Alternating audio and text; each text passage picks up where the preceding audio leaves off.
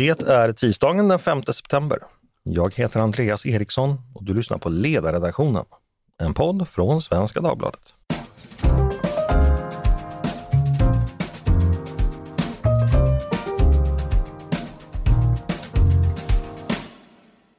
Varmt välkomna! Idag inleds en speciell rättegång i Stockholms tingsrätt. Den rör medhjälp till grovt folkrättsbrott.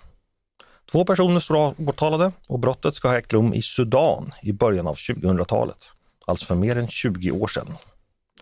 De åtalade heter Ian Lundin, han kommer från Sverige, och Alex Schneitner, han kommer från Schweiz. Och de var ordförande respektive VD vid den här tiden för brottet för Lundin Oil, ett svenskt bolag som vid tiden bedrev oljeprospektering i södra Sudan. Ett land som då plågades av ett flera decennier långt inbördeskrig. Det här känner ni säkert till översiktligt. Medierna har bevakat den här historien sedan början av 2000-talet. En förundersökning om folkrättsbrott inleddes redan 2010. 2021 väcktes åtal och nu drar alltså rättegången igång. Den beräknas vara klar först 2026, det vill säga om två och ett halvt år. Vad handlar den här historien egentligen om när man tittar mer detaljerat? Vad skedde egentligen i södra Sudan runt millennieskiftet?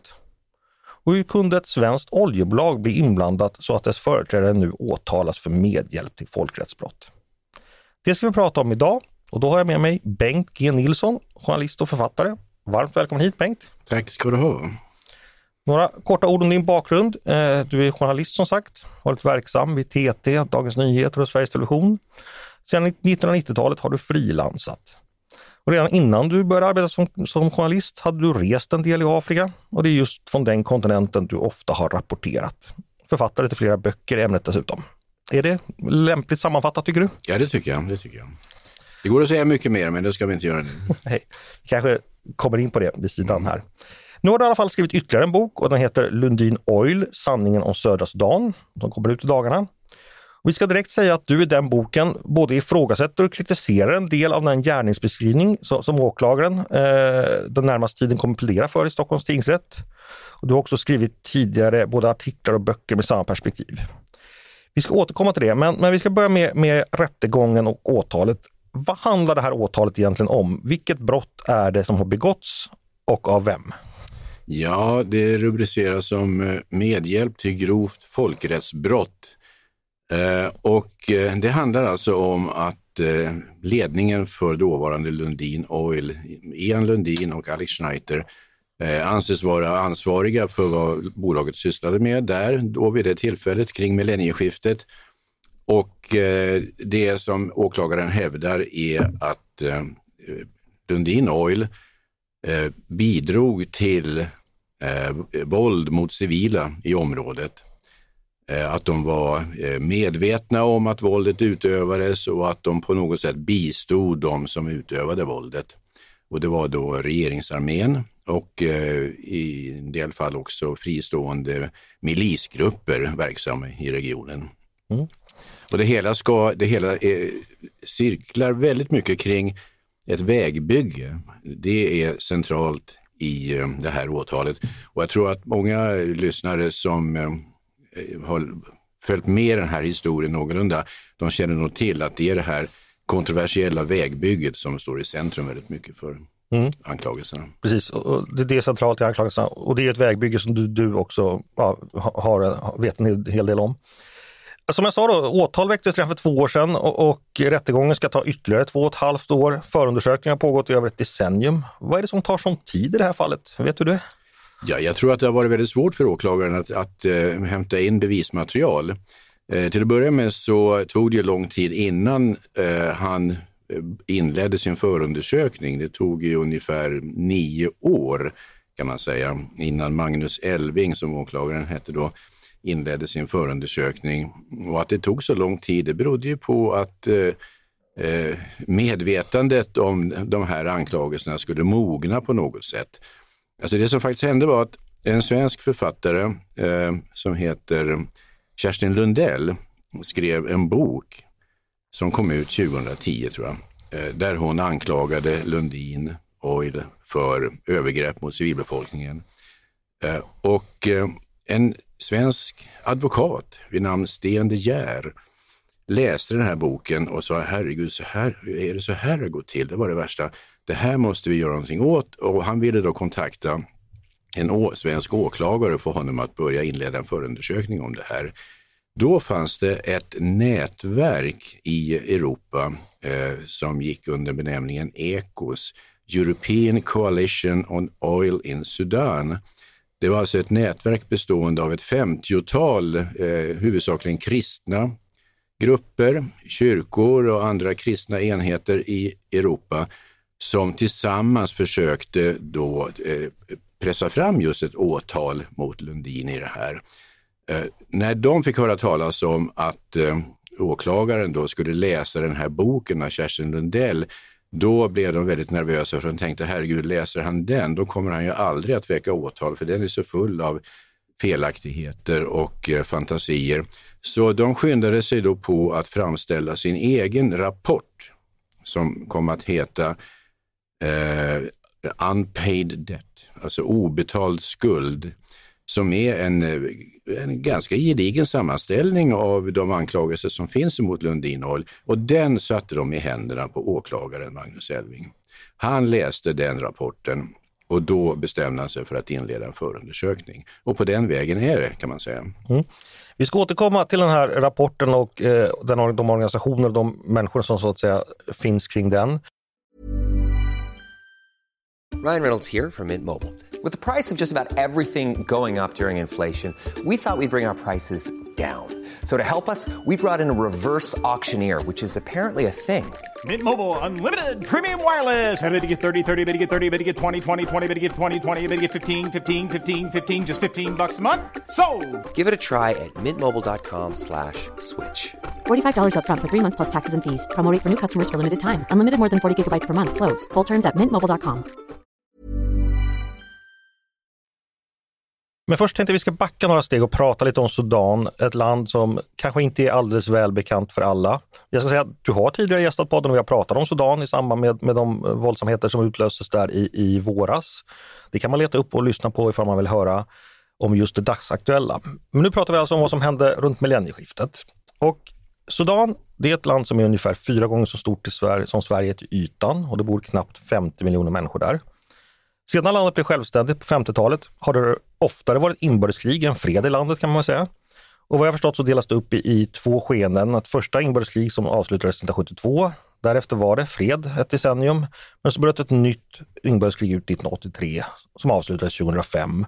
Det var alltså under det kriget som brotten som nu prövas i domstol ska ha ägt rum. Men Bengt, om vi börjar med Sudans historia och framförallt dess demografi. Eh, redan där har jag förstått att det finns ett antal nycklar för att förstå det som har skett. Eh, kan du berätta lite om det? Va, vilka bor det i Sudan och var bor de och vilka är det som bestämmer och styr och så vidare? Ja, eh, Sudan eh, var ju tidigare Afrikas till ytan största land. Men sen delades det nästan på mitten kan man väl säga 2011 och då skapades ett nytt land som fick namnet Sydsudan. Eh, och den delen av Sudan hade man tidigare kallat för södra Sudan. Nu fick den alltså heta Sydsudan, ett eget land. Eh, men innan dess, som sagt, innan det skedde så var Sudan ett land som befolkades av grovt räknat två distinkta kategorier människor. De norra delarna av landet befolkades av muslimer, eh, som jag ofta brukar beskriva som lite så här chokladbruna i hyn och eh, Eh, med en distinkt muslimsk profil. De södra delarna av landet, det som sen kom att bli Sydsudan, befolkas av icke-muslimer. Många av dem är kristna, andra är, tillhör eller bekänner sig till naturreligioner. Och de är i de allra flesta fall väldigt, väldigt svarta i hyn. De är väldigt långa, de är väldigt smala, de har mycket karaktäristiska utseenden.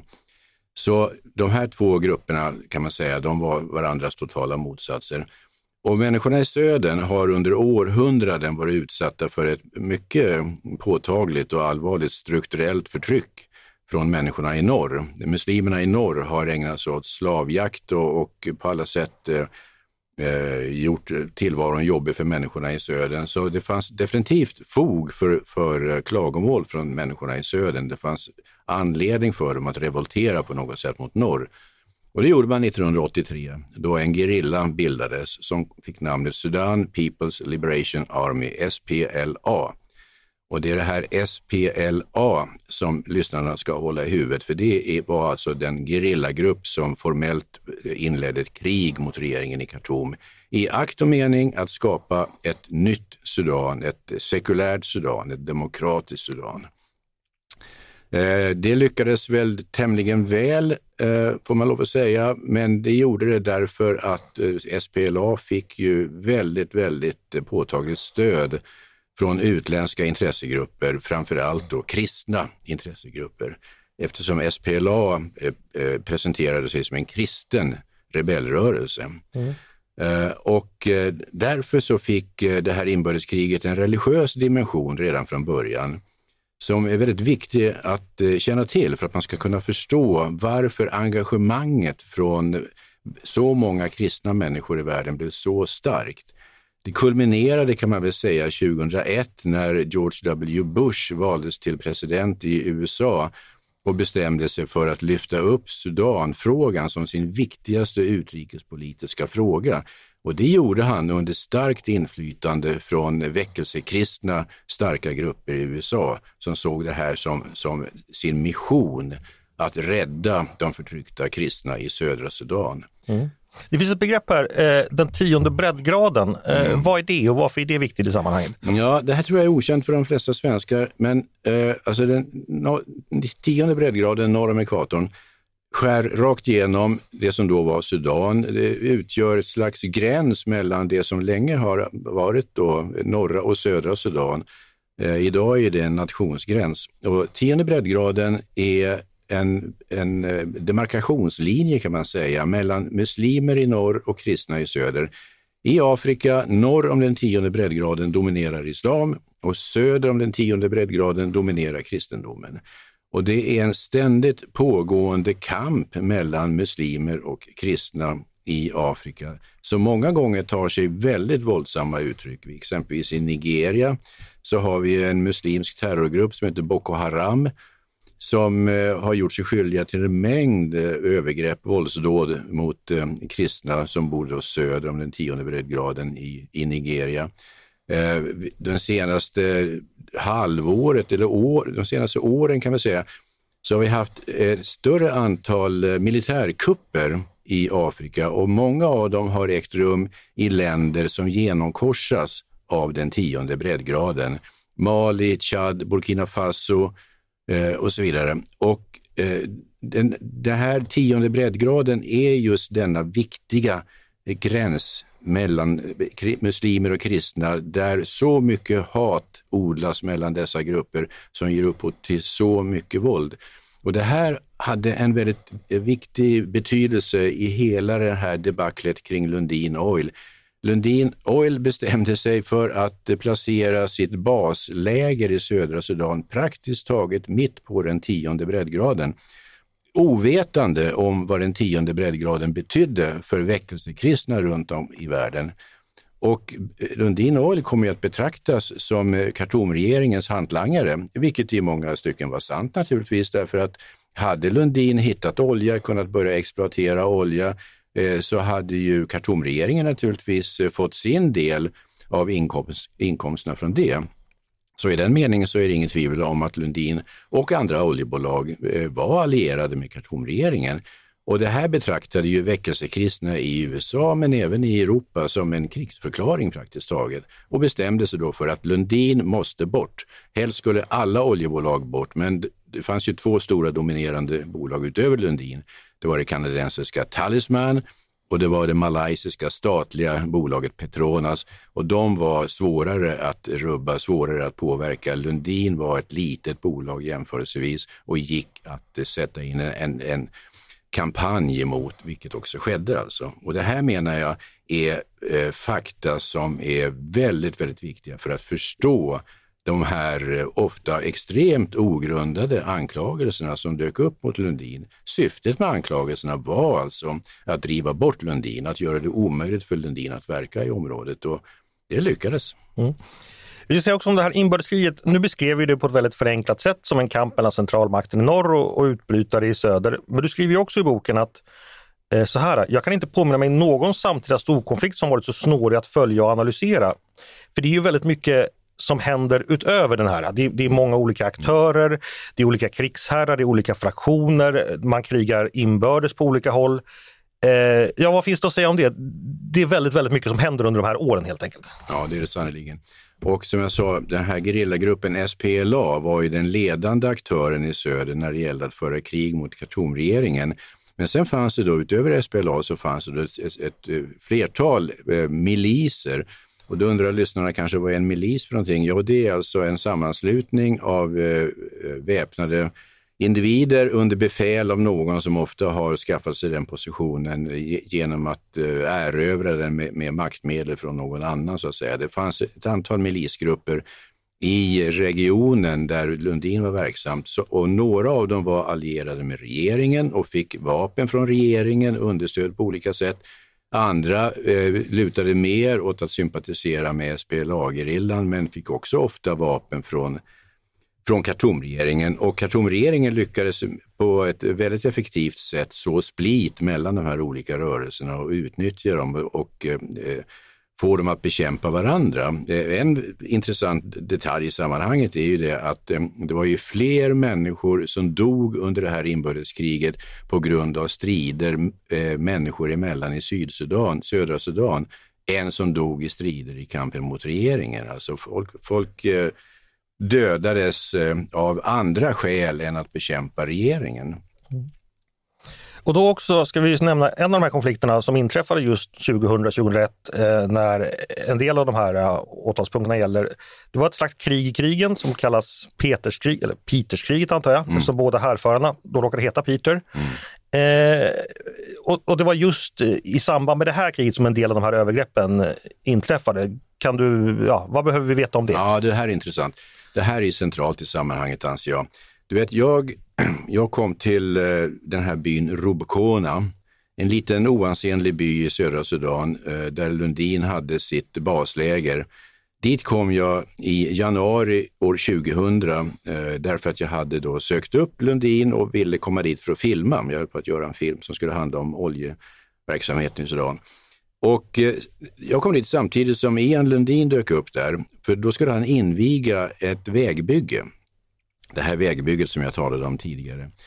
Uh, och det skulle invigas med att de skulle börja med att bygga en bro över en flod för att uh, sen jobba vidare med den här vägen som skulle bli sju mil lång, sträcka sig i sydostlig riktning ner till en plats där Lundin hade sin borrigg.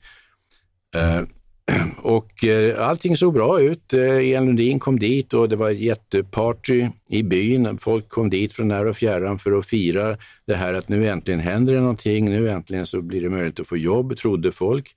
Eh, nu är det slut på fattigdom och elände. Nu ska by bygden blomstra.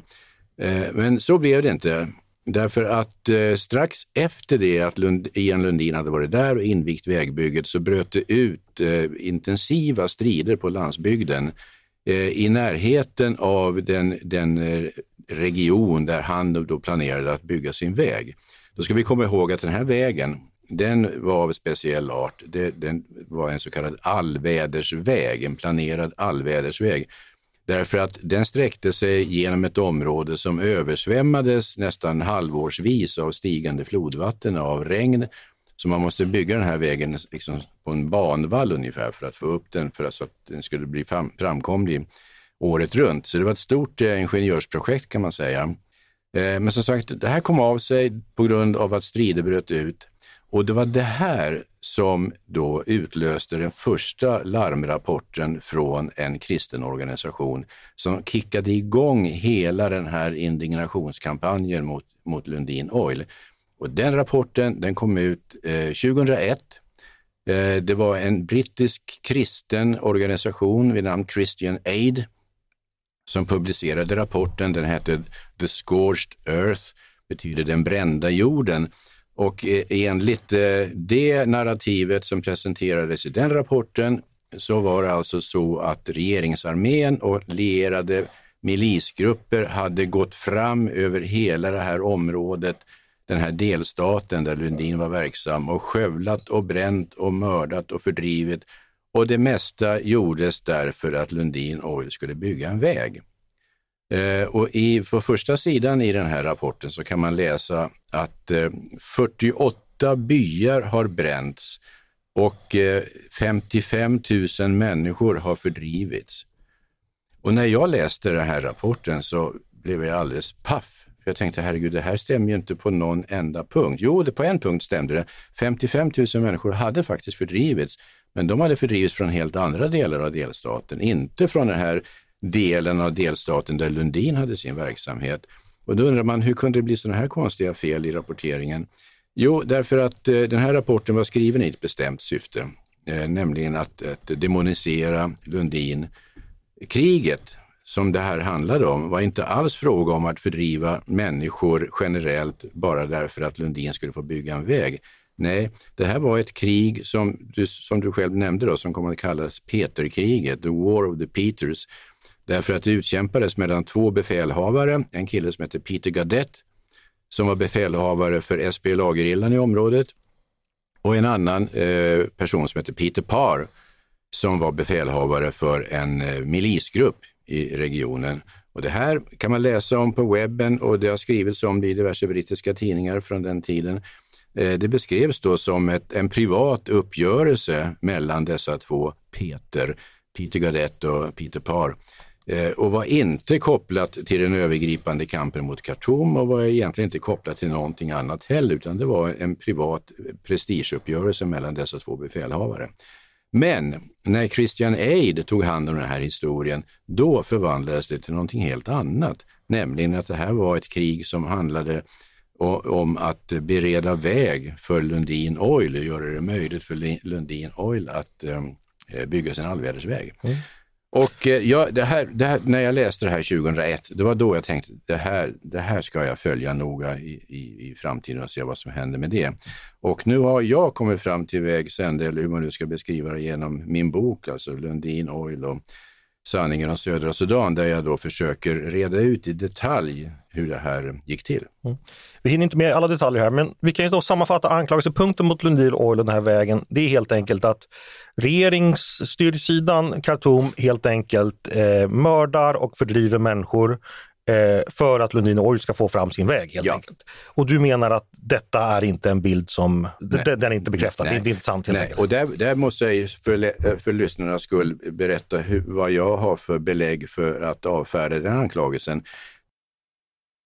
När jag kom dit till Ropkona i eh, eh januari 2000 det första vi gjorde, jag och Ian Lundin, det var att vi flög helikopter från Rubkona till den här platsen där borriggen stod. Alltså vi flög fågelvägen precis som vägen på marken skulle byggas. Och jag tittade ner under hela flygresan, man har inte mycket annat att göra i en helikopter, och kunde konstatera att det var ett fullständigt öde område. Man kunde se någon hydda här och där, men inte mer än så. Och sen flög vi tillbaka samma väg. Ett år senare kom jag tillbaka dit och då åkte jag bil på den då färdigställda vägen hela sträckan och sen flög jag helikopter tillbaka och mitt intryck bestod, det här var ett område som inte var bebyggt överhuvudtaget. Så Christian Aids påstående att 48 byar hade bränts och 55 000 människor hade fördrivits från det här området, det kan jag omöjligt tro på. Mm. Du har alltså då, menar du, med egna ögon sett att det som påstås ska ha skett inte har gjort det helt ja, enkelt? Ja. Vi ska bara säga, för det framgår också av din bok, lite om situationen, jag tror lyssnarna redan anar, men eh, det finns ju väldigt mycket andrahandsuppgifter och rykten här av den enkla anledningen att många inte besökte området för att eh, dels är det otillgängligt, det saknas vägar och det översvämmas och sånt och sen var det väldigt farligt att röra sig i området. Du berättar ju att när man landar plan får man göra det snabbt annars riskerar man att skjutas ner eh, och så vidare. Är det men du var där sagt, eh, många av de som, eh, de här kristna grupperna, var inte de på plats eller har de använt andra uppgifter eller hur ser källäget ut från deras sida? Varför har de landat i så andra slutsatser? Har du någon funderat på det? Ja, först och främst så är de ju eh, avsiktligt eh, eh, vilseledande därför att de är, de är ute i ett speciellt syfte, att svartmåla Lundin. Så det, de är inte intresserade av att presentera en sann bild. Eh, men sen är det också så att, eh, nu låter jag väldigt, väldigt eh, överlägsen när jag säger så här, men jag var faktiskt den enda utomstående, den enda journalisten som var på plats för att se hur det faktiskt såg ut där vid den tiden. Sen kom det ett par svenska journalister till lite senare, men de hade inte alls samma möjligheter att, att se det jag hade sett. Eh, och eh, då, som det du frågar om, alltså hur inhämtade de här lobbygrupperna eh, sin information? Ja, de flesta gjorde det genom att prata med människor som hade begett sig iväg därifrån. Eh, på grund av strider så hade många människor flytt till angränsande delstater och, och eh, till, till Khartoum och så vidare. Eh, och väldigt mycket av det material som du kan läsa i de här rapporterna är då intervjuer med eh, människor som har lämnat sitt hem på grund av strider. Och för dem ligger det ju naturligtvis i sakens intresse att eh, presentera en bild som, som är ska säga, så förmånlig för dem som möjligt. Många av de här intervjuerna är i andra eller tredje hand och det som är påtagligt, nästan alla är anonyma. Mm. Nästan alla är anonyma. Eh, och det tycker jag är ytterst besvärande. Ytterst besvärande att läsa långa rapporter med, interv med intervjuer med anonyma vittnen som påstår en det ena än det andra som inte går att verifiera. Sen är det ju så också att det kan röra sig om eh, ärliga missförstånd också. The fog of war är ju ett begrepp att, att oh ja. eh, så sker. Och det vet vi exempelvis från IS krigsföring i, i Syrien och Irak att det kom berättelser som sen återberättades i media och det diskuterades egentligen vad det är man ska föra vidare.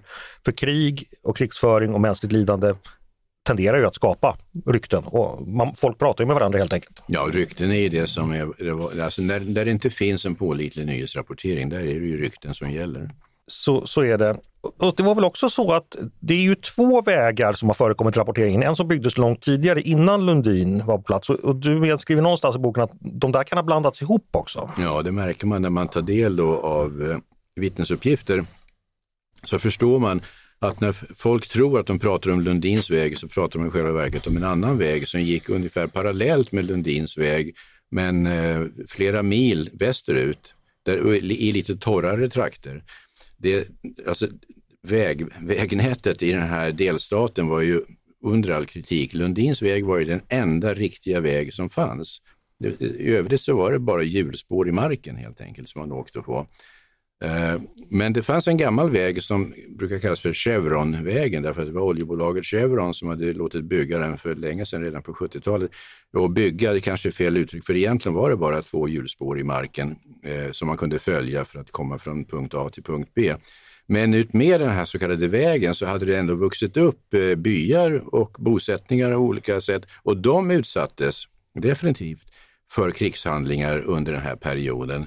Eh, under det här kriget som jag nämnde, då, Peterkriget, the war of the Peters, så utsattes människor för krigshandlingar därifrån. Och det intressanta är att de här 55 000 individerna som då Christian Aid säger flydde undan kriget, vart flydde de? Vart tog de vägen? Jo, de flydde ju, samtliga flydde ju till Rubkona, till där Rubkona, där Lundin hade sitt läger och där regeringsarmén hade sina baracker. Det var dit människor tog sig för att eh, söka trygghet. Vilket jag tycker är en väldigt anmärkningsvärd detalj i sammanhanget. Mm. Men nu har vi pratat mycket om den här vägen och dess eventuella roll i folkfördrivning och folkmord. Eh, vad vet du eller anser du om Lodins agerande i Sudan i övrigt? Eh, för det finns, ju, det finns ju fler anklagelseakter så att säga. Kan du dra några slutsatser om det eller är det någonting du inte vet någonting om? Ja, jag är väldigt noga med att påpeka i min bok att det jag kan uttala mig om med bestämdhet, det är det jag själv har sett med egna ögon. Eh, och det är inte så lite. Det är ganska mycket det faktiskt. Men i alla fall, det finns mycket annat i åklagarens material som jag inte överhuvudtaget kan ha någon synpunkt på eller åsikt om.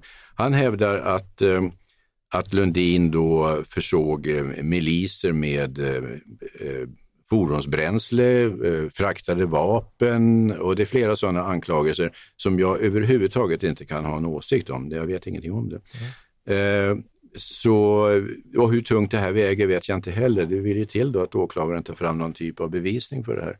Men, men som sagt, det är inte det. Men i övrigt så, jag har faktiskt en hel del kritiska synpunkter på Lundin, för jag tycker att eh, jag tycker de misskötte sin uppgift eh, ganska gravt när de var där. Jag träffade ju som sagt Ian Lundin när han då kom dit eh, i januari 2000 och jag frågade honom hur han såg på sin roll som eh, företagare i en sån här region. Vad, vad kunde företaget Lundin Oil bidra med för, för lokalbefolkningen? Och det avfärdade han lite grann och sa att ja, vi, vi är här för att hitta olja och för att uh, utveckla oljeindustrin och vi kan inte Vi kan inte göra någonting annat. Det är inte vår uppgift att, uh, att serva lokalbefolkningen. Och redan när han sa det så förstod jag att han har inte fattat vad som krävs för att man ska kunna fungera och accepteras på en plats som den här. Alltså. Och jag, jag, tycker att det var väldigt, väldigt tråkigt att inte Lundin tog sin roll som entreprenör på allvar och såg till, alltså det, det jag tycker att Lundin skulle ha gjort, de skulle ha massanställt människor på plats, lokalanställda människor och sätta dem i arbete med vad som helst, vad som helst och avlöna dem eh, duktigt men eh, inte överdådigt. Eh, men alltså se till att människor kunde leva, jobba, tjäna pengar. Kort sagt, Lundin skulle ha gjort sig själv populär. Men Lundin satsade ingenting på att göra sig själv populär. När det så småningom gick upp för Lundin Oil att, att de hade hamnat då i den här eh, skitstormen, om man nu får kalla det för det, ja då började de fundera på alternativa åtgärder. Vad ska vi göra åt det här? Och då började de agera ungefär som en hjälporganisation. Då skulle man vara brunnar och bygga eh, kliniker och så vidare. Och det var väl för all del bra. Det behövdes ju också, men det de framför allt skulle ha gjort, det, de skulle ju ha sett till att folk förstod att här har vi att göra med ett företag som skapar arbete, som skapar välstånd. Men det förstod aldrig Lundin. Mm.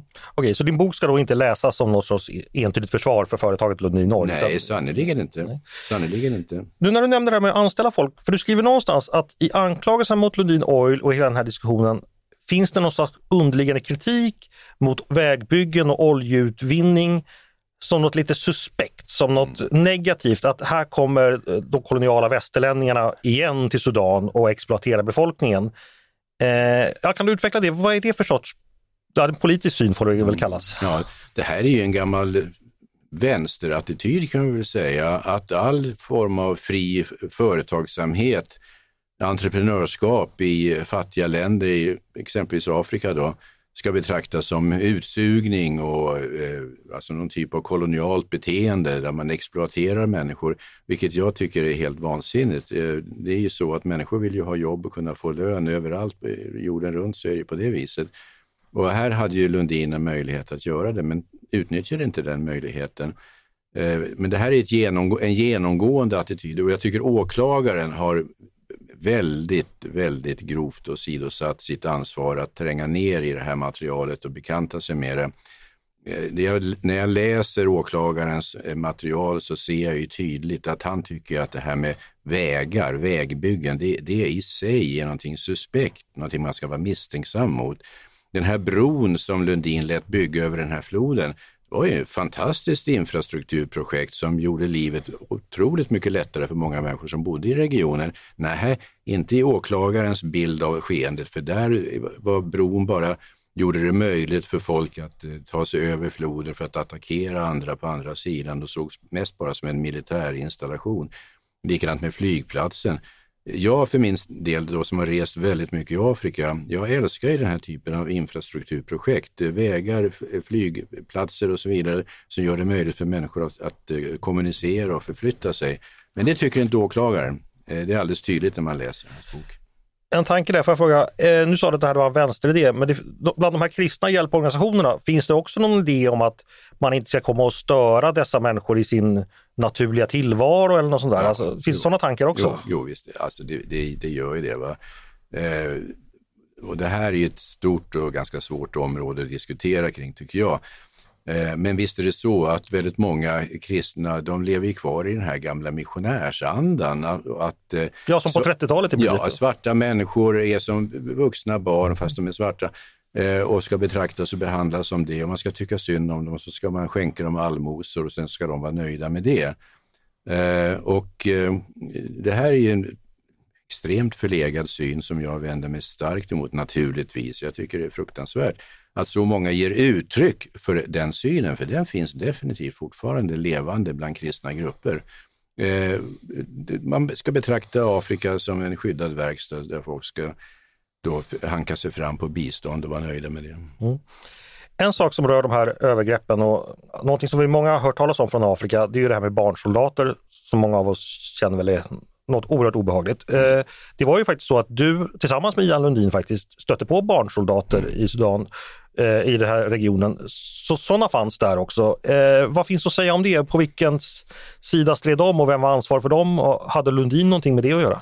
Ja, Lundin hade ju med det att göra i den meningen att Lundin eh, eh, blev med eller mot sin vilja beroende av milisgrupper som, eh, som rekryterade barnsoldater. Mm. Och de har du sett med egna ögon Absolut, jag, jag var ju där 2001 i, i mars och gjorde då ett reportage för SVTs program Agenda som blev ganska uppmärksammat. Och det mest uppmärksammat i det reportaget var ju då den här sekvensen där vi står på en väg, den här väg, Lundins väg, Eh, och eh, så dyker det upp tre stycken unga pojkar i 12-årsåldern med bärande på varsitt stort automatvapen, barnsoldater. Eh, och jag filmar dem och sen så gör jag en kort intervju med Ian Lundin och ber om hans kommentar till det här. Att, hur känns det här då, att barnsoldater ska bevaka oljefälten? Ja, det, det känns inget bra, så Ian Lundin. Jag har ju barn själv och tycker det är hemskt att se små barn med vapen. Eh, och det är klart han tycker det, men eh, jag, jag, tror, jag, jag, hoppas, jag kan inte svära på det, men jag hoppas att det här var det som fick honom att verkligen börja fundera över sin egen verksamhet där. Vad är det jag håller på med egentligen? Vad är det för människor jag har med att göra? För barnsoldater fanns i alla stridande grupper. De fanns i regeringsarmén och de fanns hos miliserna och de fanns hos SPLA. Alla anlitar eller tvingar barnsoldater att eh, delta i strider. Mm. Eh, jag ska plocka ut en annan nyckelmening, som jag, eller vad jag tycker är en nyckelmening. Eh, du skriver nämligen så här att anklagelsen om att det var oljebolagen, i synnerhet Lundin Oil, som låg bakom allt våld och dödande i Unity State. Ja, det var inte nämnt tidigare, men det är alltså platsen för det här eh, blev en sale pitch för hjälpbyråerna, tankesmedjorna och de mestadels kristna lobbygrupperna. En lägereld att samlas kring där rykten och sagor fick fritt spelrum utan att någon förhör, förstörde stämningen med den tråkiga frågan, är det sant? Eh, ja, det sammanfattar väl lite hur, hur du ser på uppgifterna från eh, Vet du att det är så här eller är det den slutsats du har dragit utifrån eh, vad, du har, vad, vad du har sett från den sidan. Alltså, vet du att, jag förstår min fråga, mm. att, hur, hur mycket vet du om så att säga, din motståndarsida, hur, hur uppgifter tas fram där och hur de förs vidare och hur de försöker verifiera sina uppgifter? Ja, till att börja med så var det så här att eh, de som formulerade de här anklagelserna mot Lundin, som skrev de här rapporterna, de var inte på plats själva. De var definitivt inte där jag var i Rupkona. De besökte definitivt inte Lundins oljerigg. De åkte definitivt inte på den här vägen. De befann sig sannolikt då i, i grannstater och som jag sa då intervjuade flyende människor från det perspektivet. Eh, men jag har ju då under alla dessa år när den här historien har varit aktuell för mig, det är nu över 20 års tid alltså, så har jag närvarat på en mängd eh, sammankomster, eh, konferenser och seminarier och det ena med det andra det var ju väldigt intensivt då eh, efter 2001 eftersom jag, jag misstänkliggjordes ju eftersom jag hade gjort det här reportaget eh, i Agenda som ifrågasatte eh, skuldfrågan. Och då i samband med det så deltog jag i rätt många eh, sammankomster med kyrkliga rörelser i Sverige och även eh, utomlands faktiskt. Eh, och fick ju klart för mig att det här är en, en sån här självgående sanning som sprider sig hela tiden mellan individer på grund av bristande fakta. Det fanns inte några fakta tillgängliga för de här människorna som formulerade dessa anklagelser. De utgick ifrån fantasiföreställningar om hur situationen såg ut i, i eh, den här delstaten där Lundin var verksam. Jag tror att eh, hade de fått närvara vid den här invigningsceremonin av bron som jag nämnde tidigare när Ian Lundin var där och skulle sätta igång det här väg och brobygget, då tror jag de hade fått en delvis annan uppfattning. För det var ju så uppenbart då, för mig var det kolossalt uppenbart att folk var ju jättelyckliga över att någonting äntligen skulle hända, att äntligen skulle det vara möjligt att få jobb. Men man märker ju som sagt bland de här kristna lobbygrupperna att de, de betraktar ju allt det här som någonting suspekt som de ska försöka rädda människorna ifrån eh, att slippa bli utsatta för eh, övergreppen från Lundin som de då hävdar pågår, eller pågick. Eh, och eh, jag har aldrig, jo jag har träffat en och henne, henne citerar jag också i boken. Jag intervjuar henne och återger ganska om, eh, utförligt vad hon berättar. En tysk kvinna som var verksam och, eh, i eh, eh, solidaritetsarbete med södra Sudan under många, många år. Jag tror hon fortfarande är verksam förresten. Marina Peter heter hon. Eh, henne träffade jag på ett något sånt här seminarium utomlands eh, strax efter millennieskiftet. Och det enda som gjorde att jag la hennes namn på minnet var att hon var inte alls lika frälst på SPLA-gerillan som alla andra var. För det var ju så att alla de här aktörerna eh, som deltog i de här eh, kristna lobbygrupperna, de var ju totalsålda på SPLA-gerillans eh, program. De stöttade SPLA-gerillan helt och hållet. Eh, utan att förstå vad SPLA-gerillan gjorde sig skyldig till i form av övergrepp mot civilbefolkningen. Hon var den enda, den här kvinnan Marina Peter, var den enda som jag träffade som hade lite kritisk distans till SPLA-gerillan. Mm. Men eh, det var ovanligt. De flesta var fullständigt övertygade om SPLA-gerillans eh, förträfflighet i sammanhanget. Du, en fråga måste ju ställas. Det här gäller ju din, ytterst din yrkesheder. För vad så att säga, din motståndarsida anklagar dig för, det är ju att du har varit på plats och som journalist missat ett folkmord. Dessutom inbjuden av en av de som anklagas för att vara mm. folkmördare så att säga. Vilken roll spelar det? Alltså att, ja, det är din heder som journalist som ifrågasätts här helt enkelt, ja. kan man säga. Jo, det är alldeles riktigt. Och eh, så har det varit ända sedan jag, det här eh, reportaget i Agenda visades i eh, maj 2001 tror jag det var. Eh, och eh, jag skulle inte sitta här idag om inte jag känner mig helt övertygad om Eh, min uppfattning i den här frågan. Jag skulle inte våga öppna munnen om det här om det inte var för det att jag faktiskt var där. Inte bara en gång utan två gånger. Jag hade rest genom regionen även tidigare. Jag har bevakat eh, inbördeskriget i södra Sudan på alla möjliga sätt under väldigt många år. Träffat mängder av inblandade, träffat befälhavare, träffat gerillaledare och eh, you name it.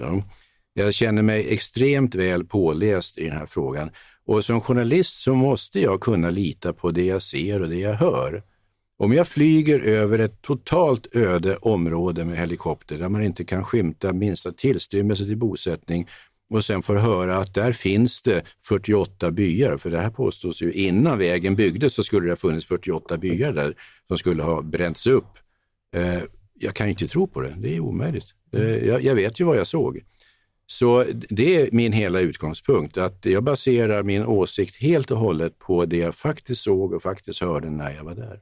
En lite sidoaspekt, men jag tänkte att vi ska kort nämna det, som jag tror har gjort att historien har fått eh, lite extra fäste i Sverige, det är det här med Carl Bildt. Mm. Eh, och eh, det tror jag i alla fall, ja, det tror väl du också, att mediernas intresse har påverkats av det? Absolut, absolut. På ett väldigt negativt sätt vill jag påstå. Ja, att Carl Bildt i skurkrollen har varit attraktiv så att säga? Ja, alltså jag, jag har ju ingen anledning att eh, bry mig så mycket om eh, Carl Bildt. Han klarar av att försvara sig själv.